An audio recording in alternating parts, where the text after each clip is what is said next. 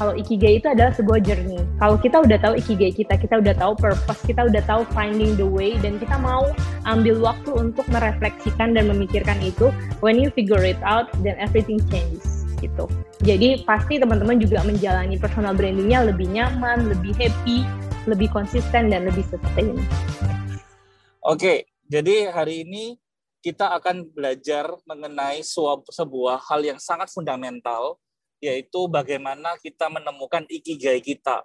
Sekarang ini kalau ngomong tentang personal branding, itu bukan sebuah apa ya uh, hal yang asing lagi, tapi sudah jadi kebutuhan ya teman-teman.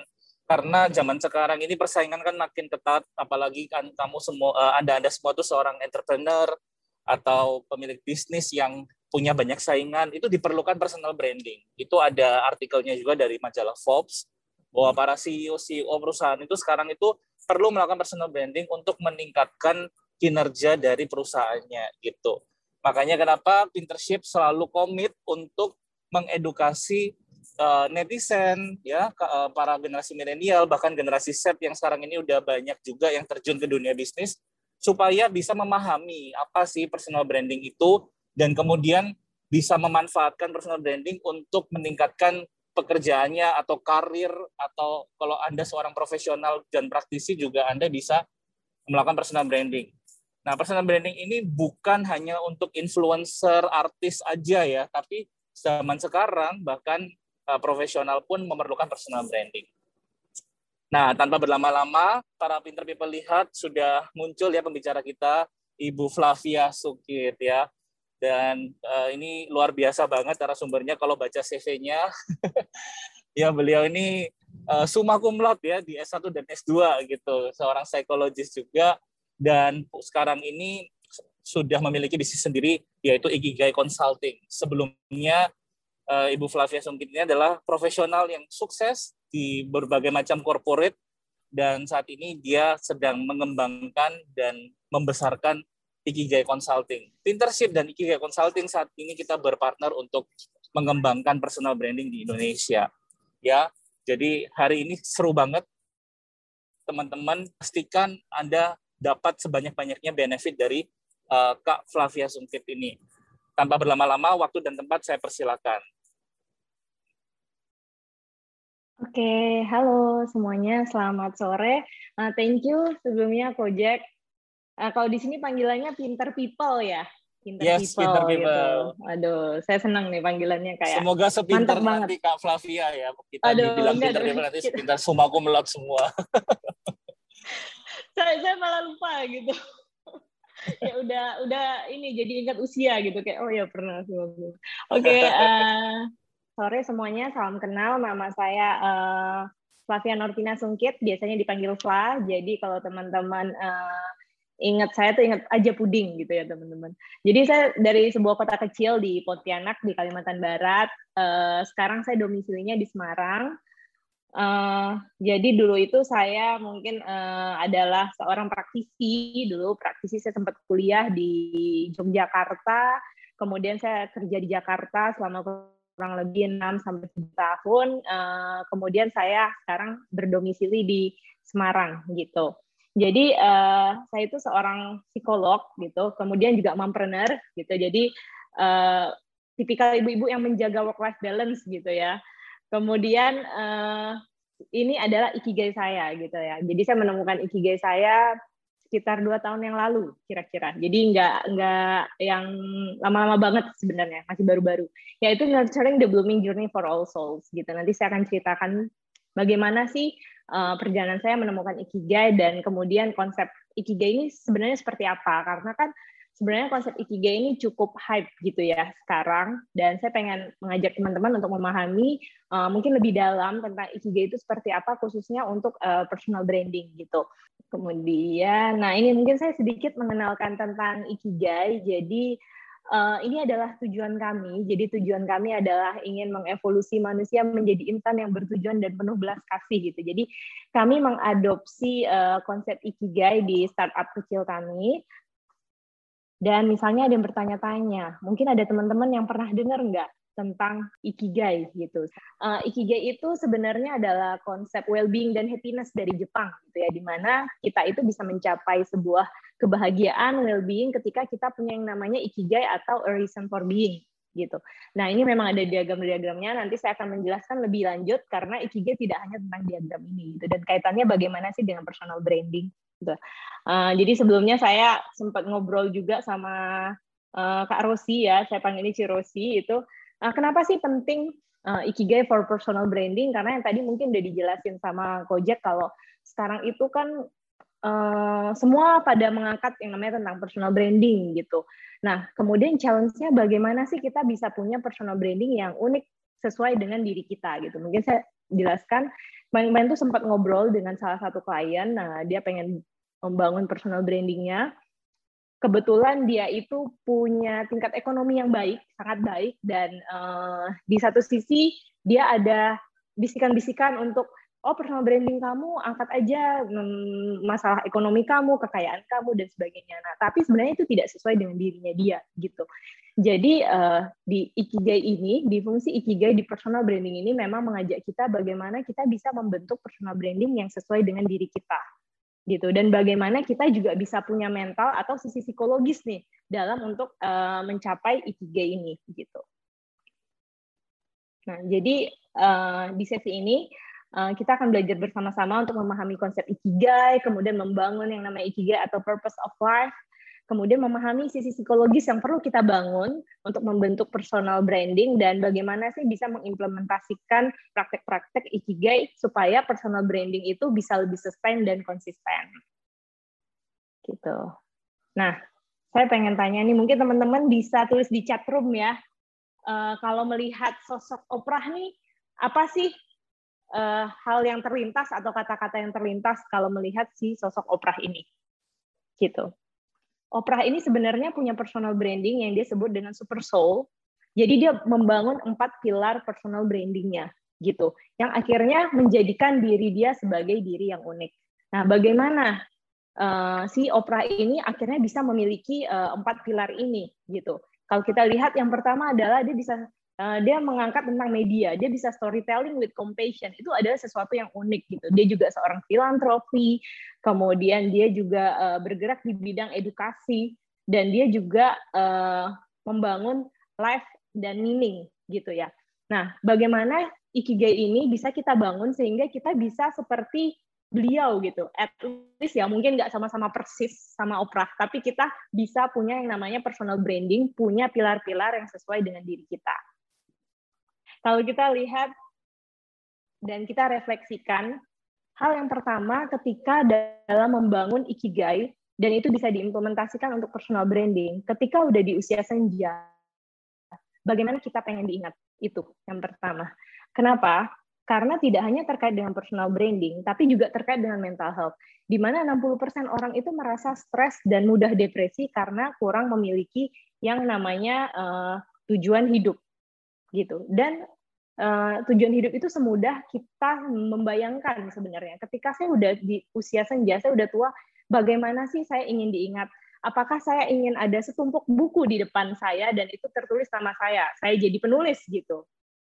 Atau misalnya teman-teman cukup, oh saya punya keluarga kecil, kemudian di depan ada cucu-cucu saya sedang bermain dan sebagainya. gitu. Nah itu yang bisa menjadi landasan untuk uh, memiliki yang namanya purpose of life. Nah, di Ikigai sendiri mengajarkan tentang purpose of life itu bisa dimulai dari itu. Yang pertama adalah membayangkan ketika kita sudah di usia senja, itu sebenarnya kita ingin diingat sebagai apa. Dan di situ kita bisa turunkan ke dalam yang namanya Ikigai. Jadi di depan tadi udah ada uh, lingkaran-lingkaran ini ya. Lingkaran ini adalah istilah dari diagram Venn, diagram Venn-nya Ikigai. Jadi ikigai itu terdiri dari empat hal sebenarnya. Apa yang saya suka atau what uh, you love, kemudian what you're good at, seberapa baik skill saya di situ. Kemudian apakah hal tersebut bisa menjadi profesi saya atau saya bisa hidup nggak dari situ. Dan yang terakhir adalah apa masalah di luar sana yang menjadi kegelisahan saya. Nah, di sini kenapa uh, dijelaskan bahwa setiap irisan ini harus ada, setiap lingkaran ini harus ada untuk menemukan ikigainya. Karena ketika satu lingkaran ini tidak penuh gitu ya, tidak terpenuhi, maka ada uh, kekosongan di situ. Nah, ketika kita tahu apa yang kita suka dan kita punya skill di situ, it's a passion. Itu jadi passion kita. Tapi ketika kita tidak menjadikan itu sebagai profesi kita, itu hanya menjadikan kita puas terhadap hal tersebut. Kita merasa satisfied, tapi kita merasa useless. Jadi kayak menjadi passion itu ya hanya sekedar ya kita melakukan itu karena kita suka dan kita punya skill di situ. Tapi itu tidak menjadikan sebuah value untuk orang lain gitu. Nah, sebaliknya juga, misalnya kita punya skill, tapi kita nggak suka terhadap hal tersebut. Kita akan merasa nyaman, tapi akhirnya kita merasa emptiness.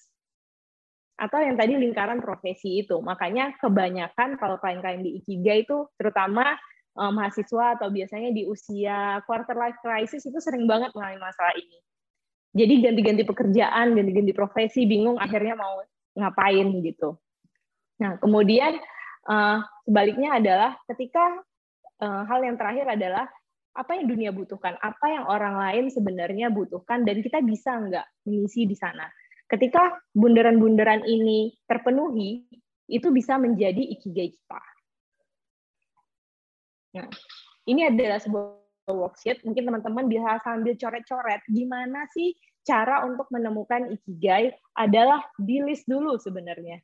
Dari empat hal tersebut, apa yang kamu suka, kamu punya skill apa di situ, kemudian what do you make a living, kita bisa hidup dari situ enggak, atau kita bisa mendapatkan pendapatan penghasilan dari situ, dan yang terakhir, apakah itu dibutuhkan oleh dunia. By the way, untuk menemukan ikigai ini bukan satu waktu, kalau teman-teman udah tahu itu akan lebih mudah, tapi it's a journey gitu. Jadi nggak mesti satu waktu, nggak mesti di usia segini saya udah ketemu sama ikigai saya. Ini saya kasih contoh adalah diri saya. Misalnya what you love. Saya itu orangnya suka musik gitu ya. Saya suka buku, saya suka baca novel, saya suka story. Dan saya juga suka yang namanya outdoor activities gitu. Nah, kemudian what you're good at. Saya punya skill apa di situ? Saya karena saya dulu pengalamannya saya pernah jadi researcher, saya suka riset dan di situ membuat saya memiliki strategi thinking yang cukup baik gitu.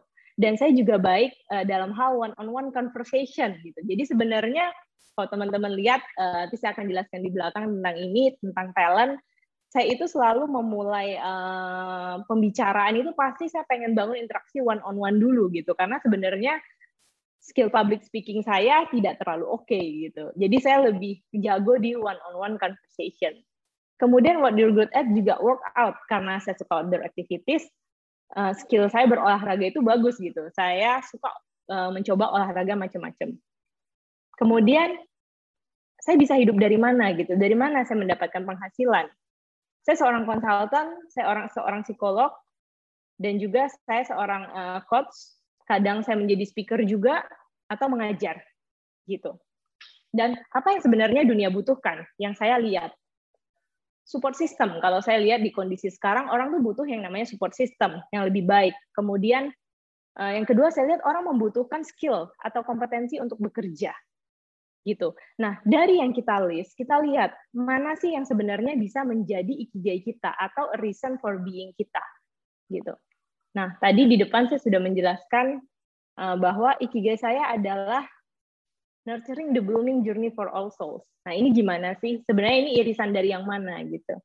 Jadi sebenarnya ini adalah irisan dari saya suka yang namanya story gitu ya. Saya suka mendengarkan cerita. Saya punya skill di one on one conversation dan saya as psikolog gitu. Dan saya melihat bahwa uh, orang lain itu membutuhkan yang namanya support system yang lebih baik dan itu menjadi ikigai saya. Makanya saya senang banget yang namanya coaching orang, yang namanya mengkonsul orang, nurture journey orang gitu untuk bisa menjadi lebih baik. Nah, itu adalah ikigai saya. Nah, mungkin teman-teman bisa refleksikan ikigai teman-teman tuh sebenarnya apa sih dari yang sudah di list nantinya. Uh, saya akan jelaskan nih, misalnya uh, saya adalah orang yang suka musik gitu, tapi saya nggak punya skill di sana. Saya tidak ada yang what you're good at itu tidak ada skill musik di situ. Jadi itu juga tidak bisa menjadi passion saya gitu. Ataupun sebaliknya, saya suka outdoor activities gitu ya. Tapi saya uh, nggak punya profesi di situ. Saya suka outdoor activities, saya punya skill untuk workout. Saya sempat pengen jadi yang namanya sertifikasi sertifikasi yoga. Saya pengen jadi guru yoga gitu. Kalau saya ngambil itu mungkin itu akan menjadi uh, profesi saya di sini. Tapi ini hanya stop sampai di bagian kedua gitu. Ataupun misalnya di profesi saya, saya adalah seorang konsultan dan saya melihat bahwa dunia butuh loh yang namanya kompetensi bantuan itu butuh. Tapi sebenarnya it's not what I love gitu.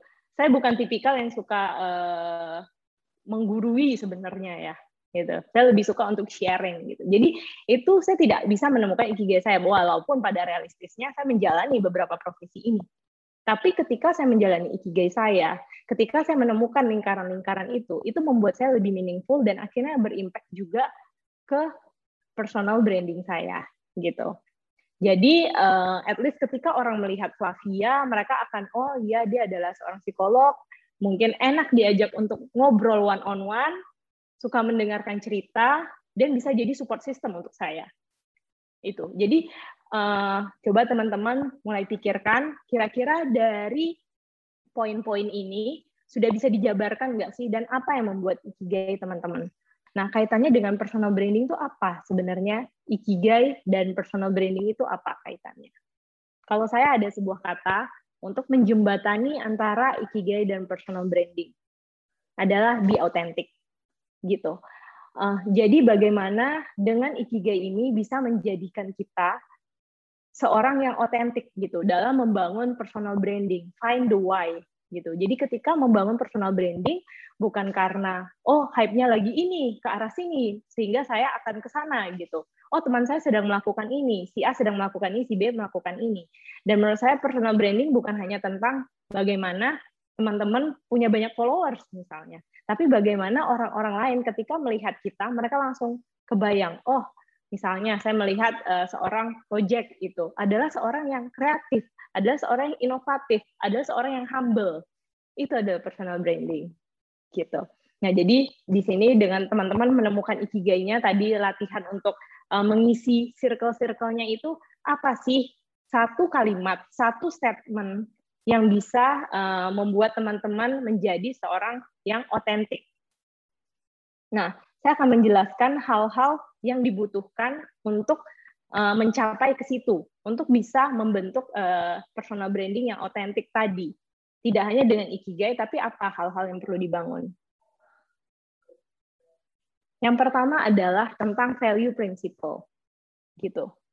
Nah, ini sama ketika teman-teman namanya membangun bisnis ya. Membangun bisnis itu kan pasti ada visi misinya. Ibaratnya visi misinya itu adalah ikigainya gitu. Nah, value-nya apa? Nilai-nilai apa yang mau kita pegang gitu. Dan itu menjadikan uh, seperti guide kita, seperti panduan. Jadi kalau di sini ada uh, statement bahwa values are a matter of what guides you through every day, every task, every encounter with another human being. Dari sini, coba kita bersama udah punya belum yang namanya value principles. Jadi penting untuk membangun value karena dengan ini kita bisa memperlihatkan personal branding yang lebih otentik dan yang lebih kuat gitu. Nah, gimana caranya untuk punya value principles?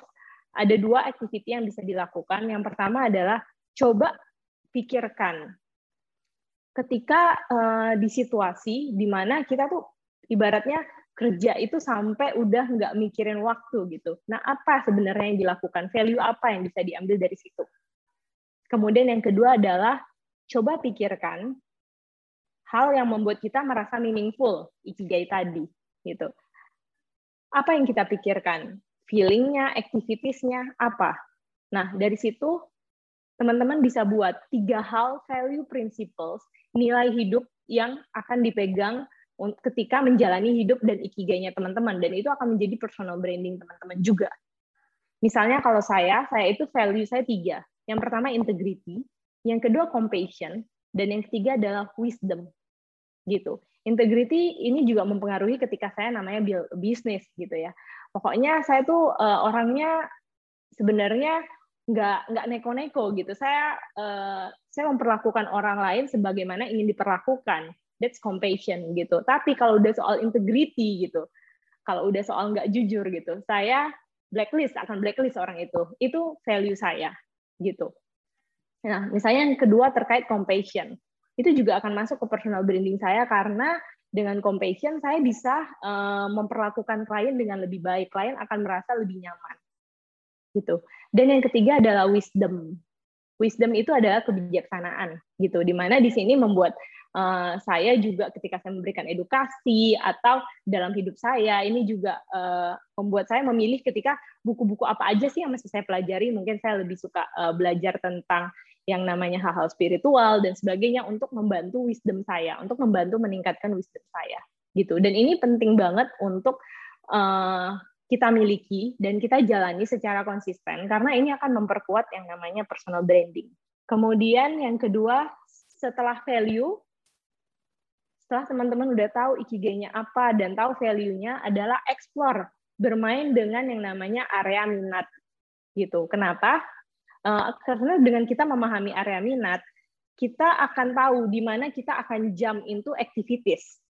Pekerjaan-pekerjaan yang bisa kita lakukan tuh apa sesuai dengan area minat kita supaya kita lebih merasa passionate. Jadi sebenarnya ada enam area minat. Ada enam area minat. Yang pertama ada realistik, investigatif, artistik, sosial, enterprising, dan konvensional. Nah, ketika teman-teman berada di area minat yang pertama, realistik, itu adalah uh, orang-orang yang suka bekerja dengan hal-hal yang real, bukan hal-hal yang abstrak gitu. Jadi mungkin aktivitasnya mm, nggak terlalu cocok misalnya menjadi uh, profesor gitu misalnya. Berbeda dengan yang tipikal investigatif, suka meneliti, suka menganalisa, suka berpikir strategis gitu. Jadi area minatnya aktivitas apa ya yang cocok dengan area minat saya, sehingga itu bisa menjadi passion. Dan ketika kita tahu area minat kita itu, kita juga bisa membangun skill kita di situ. Kemudian yang selanjutnya ada artistik terkait dengan eh, orang-orang yang punya area minat di bidang seni. Bisa kreatif, uh, imajinatif gitu. Kalau Kojek saya yakin sih pasti nomor satunya artistik gitu. Kemudian selanjutnya adalah sosial. Di sosial ini memiliki area minat untuk membantu orang lain bekerja dengan orang banyak. Kemudian enterprising, enterprising adalah tipikal orang yang punya area minat untuk mempengaruhi orang gitu. Jadi jago banget kalau jadi sales and marketing ataupun leaders di enterprising. Dan tipikal yang konvensional adalah orang yang well organized, detail, suka gatel gitu. Kalau ada sesuatu yang typo dan sebagainya itu eh, nggak uh, betah pasti ngeliatnya. Gitu. Nah, di sini juga penting saya pengen mengajak teman-teman untuk bagaimana sih membangun pikiran uh, atau karakter yang berbasis kekuatan kita gitu. Jadi terkadang kita itu melihat diri itu oh saya kayaknya nggak sanggup. Jadi secara psikologis kita itu tidak membangun sisi yang tadi Ojek bilang fundamental di sini untuk menjalani ikigai kita gitu. Nah, uh, ini sedikit teori bahwa kenapa sih penting untuk tahu tentang mindset atau pikiran ini? Karena pikiran itu sebenarnya merupakan jembatan dari situasi emosi dan perilaku ya teman-teman. Jadi banyak yang mikir sekarang banyak yang uh, membahas tentang oh harus mengelola emosi dan sebagainya. Jadi kalau secara uh, teorinya sebenarnya ketika situasi masuk, situasi itu akan mempengaruhi pikiran kita dulu, bukan emosi. Jadi ketika masuk ke pikiran baru itu akan mempengaruhi emosi dan itu akan mempengaruhi behavior kita. Bayangkan kalau pikiran kita itu tidak benar ibaratnya, itu akan mempengaruhi perilaku kita dan bagaimana kita bisa menghidupi personal branding kita secara konsisten kalau pikiran kita aja nggak bisa kita atur gitu. Dan yang kedua adalah uh, yang namanya otak kita itu sebenarnya tidak bisa membedakan yang mana fakta dan imajinasi. Jadi secara sains otak kita itu terbagi dalam tiga bagian. Ada yang mengurus tentang memori, ada yang mengurus tentang sensori, gitu kemudian dia mengurus tentang language gitu ya. Nah, otak kita itu tidak bisa membedakan fakta dan imajinasi dan otak kita itu belajar dari pengulangan. Jadi semakin kita memasukkan labeling diri kita yang negatif, semakin kita akan menjadi seperti itu, gitu. Nah, ini uh, ada contoh gitu. Ini anak saya. Ini anak saya. Jadi kalau saya tuh pernah sharing foto ini ya kemudian orang-orang itu cenderung seperti ini. Oh, uh, kayaknya dia berdirinya belum kokoh ya. Itu berapa bulan? Kok kayaknya masih dipegang itu di belakang? Kayaknya agak terlalu gemuk ya. Apakah anak kamu sudah bisa ini? Sudah bisa itu? Gitu. Jadi ini uh, saya ingin membawa teman-teman bahwa kita tuh terbiasa yang namanya budaya fokus pada kelemahan. Jadi lebih cepat kita ditanyain yang namanya tentang kelemahan kita. Kalau kita biasanya nih saya interview dulu tuh saya juga sebagai rekruter gitu ya. Kalau saya tanya kelebihan dan kekurangan kamu apa sih? Paling cepat orang bercerita tentang kekurangannya dia dibanding kelebihannya. Dan ini akan mempengaruhi kita bagaimana bisa menjalani profesi kita gitu. Nah, ada yang namanya konsep uh, strength based mindset. Jadi strength based mindset ini adalah bagaimana kita bisa fokus pada apa yang menjadi kekuatan kita dan kita bisa membangun mindset kita berdasar apa yang menjadi karakter positif kita sehingga kita bisa terus bertumbuh. Jadi kita melihat uh, someone winning formula bisa menjadi someone losing formula dan itu juga terkait dengan personal branding. Jadi bagaimana bisa memahami karakter kita dan melihat dari sisi kekuatan itu akan membantu memperkuat personal branding. Nah, uh, saya pengen uh, coba main games. Kita tebak-tebakan karakter jadi ada tiga pertanyaan. Yang pertama, saya mudah masuk ke lingkungan baru, ngobrol sama orang baru, dikenal itu gampang banget kok. Kemudian yang kedua, saya paling nggak suka ngeliat orang berkonflik. Hidup tuh harusnya damai-damai aja. Terkadang suka dibilang menghindar, bukan menghindar sih. Tapi kalau bisa damai, kenapa harus ribut? Kemudian yang ketiga, saya itu tipikal yang selalu punya perencanaan di dalam hidup saya. Saya suka kesal kalau sesuatu berjalan di luar planning saya teman-teman masing-masing ingat jawabannya di angka satu atau angka dua gitu ya. Nah ini uh, pinter people rata-rata di strongly agree nih di satu setengah ke atas. Oke. Okay. Nah sambil ingat-ingat jawabannya tadi dari masing-masing pernyataan itu, yang pertama adalah tadi siapa yang menjawab saya mudah masuk ke lingkungan baru, ngobrol sama orang baru dikenal itu gampang banget kok Nah, ini karakter kekuatannya adalah tipikal yang Wu, gitu ya. Di mana sebenarnya orang yang memiliki karakter ini adalah tipikal orang yang mudah membangun hubungan dengan orang lain. Nah, tapi pertanyaannya, pernah nggak teman-teman yang menjawab ini punya mindset adalah saya adalah orang yang bergantung pada orang lain gitu. Karena tipikal yang strength yang Wu ini, ketika dia mudah membangun hubungan dengan orang lain, dia juga lebih butuh dengan orang lain. Nah, pernah nggak punya mindset bahwa oh, aku tuh nggak independen gitu. Aku tuh adalah orang yang bergantung pada orang lain, nggak bisa hidup sendiri gitu. Nah, di sini saya pengen mengajak teman-teman untuk melihat dari sisi kekuatannya bahwa saya itu mudah loh membangun hubungan dengan orang lain, despite of punya mindset atau label diri yang negatif terhadap diri sendiri. Kemudian yang kedua adalah yang tipikal ini, yang harmoni, yang tidak suka ribut gitu. Nah, di sini sebenarnya punya karakter kekuatan bisa mengambil peran tengah, bisa sebagai mendamaikan konflik gitu. Nah, tapi pernah nggak punya mindset, oh saya tuh orang yang suka menghindari masalah. Saya tuh kalau ada masalah saya langsung kabur gitu. Padahal orang yang tipikal seperti ini adalah tipikal orang yang bisa mendamaikan situasi. Dan kebayang ya kalau ini bisa diintegrasikan ke personal branding teman-teman, itu akan menjadi sebuah keunikan daripada kita melihat hal yang negatif. Dan yang ketiga adalah tipikal yang disiplin, gitu ya. Tipikal yang uh, selalu punya perencanaan. Nah, tipikal seperti ini sebenarnya punya karakter kekuatan, mampu mengelola sesuatu secara sistematis dan teratur. Tapi pernah nggak punya mindset, saya adalah orang yang kaku. Gitu. Nah, ini sebenarnya kalau dari assessment-nya ini, itu ada 34 karakter kekuatan yang bisa kita uh, yang sesuai dengan diri kita itu yang mana gitu. Asesmennya lebih komplit. Jadi sebenarnya kita bisa mengidentifikasikan apa sih karakter kita dan bagaimana kita bisa melihat itu dari sisi keunikan kita ataupun kekuatan kita. Saya akan jelaskan contoh saya. Saya itu adalah tipikal yang ideation achiever dan relator maksudnya apa maksudnya adalah ini yang pertama adalah ketika saya punya yang namanya defisit mindset gitu ya, ketika saya melihat karakter saya dari sisi yang negatif, saya merasa saya tuh sulit mengambil keputusan, saya terlalu banyak pertimbangan. Ketika saya melihat bisa mentweak ini menjadi strength based mindset. Padahal sebenarnya saya adalah tipikal yang punya banyak ide gitu.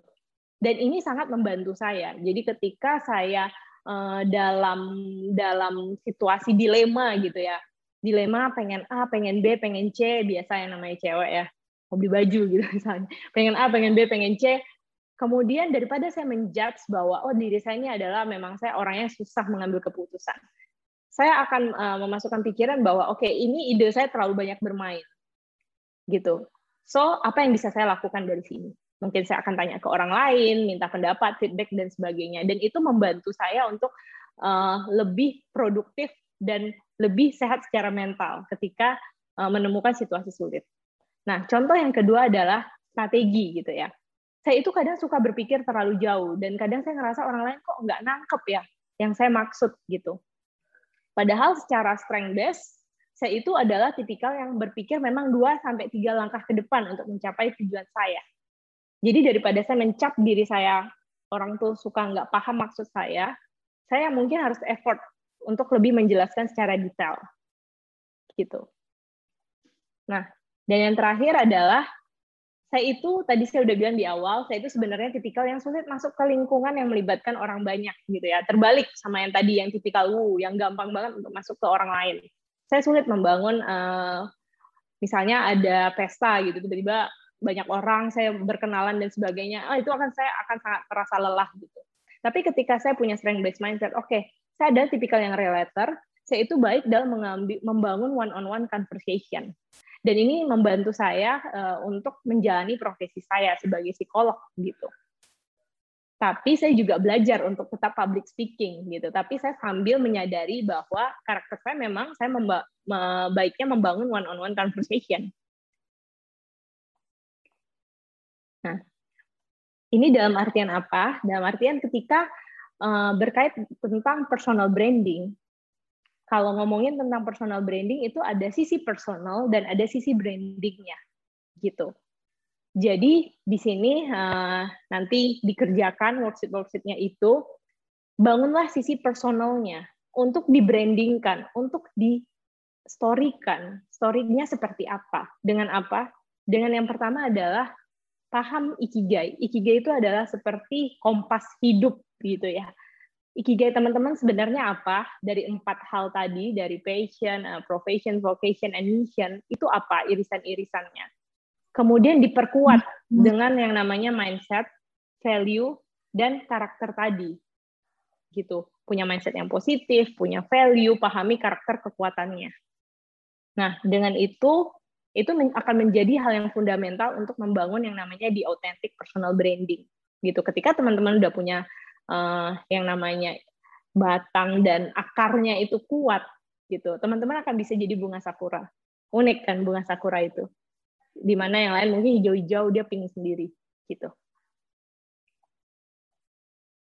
Nah, uh, ini yang dari saya yang terakhir adalah ingin menjelaskan bahwa uh, jangan lupa untuk dibarengi dengan praktikal ini.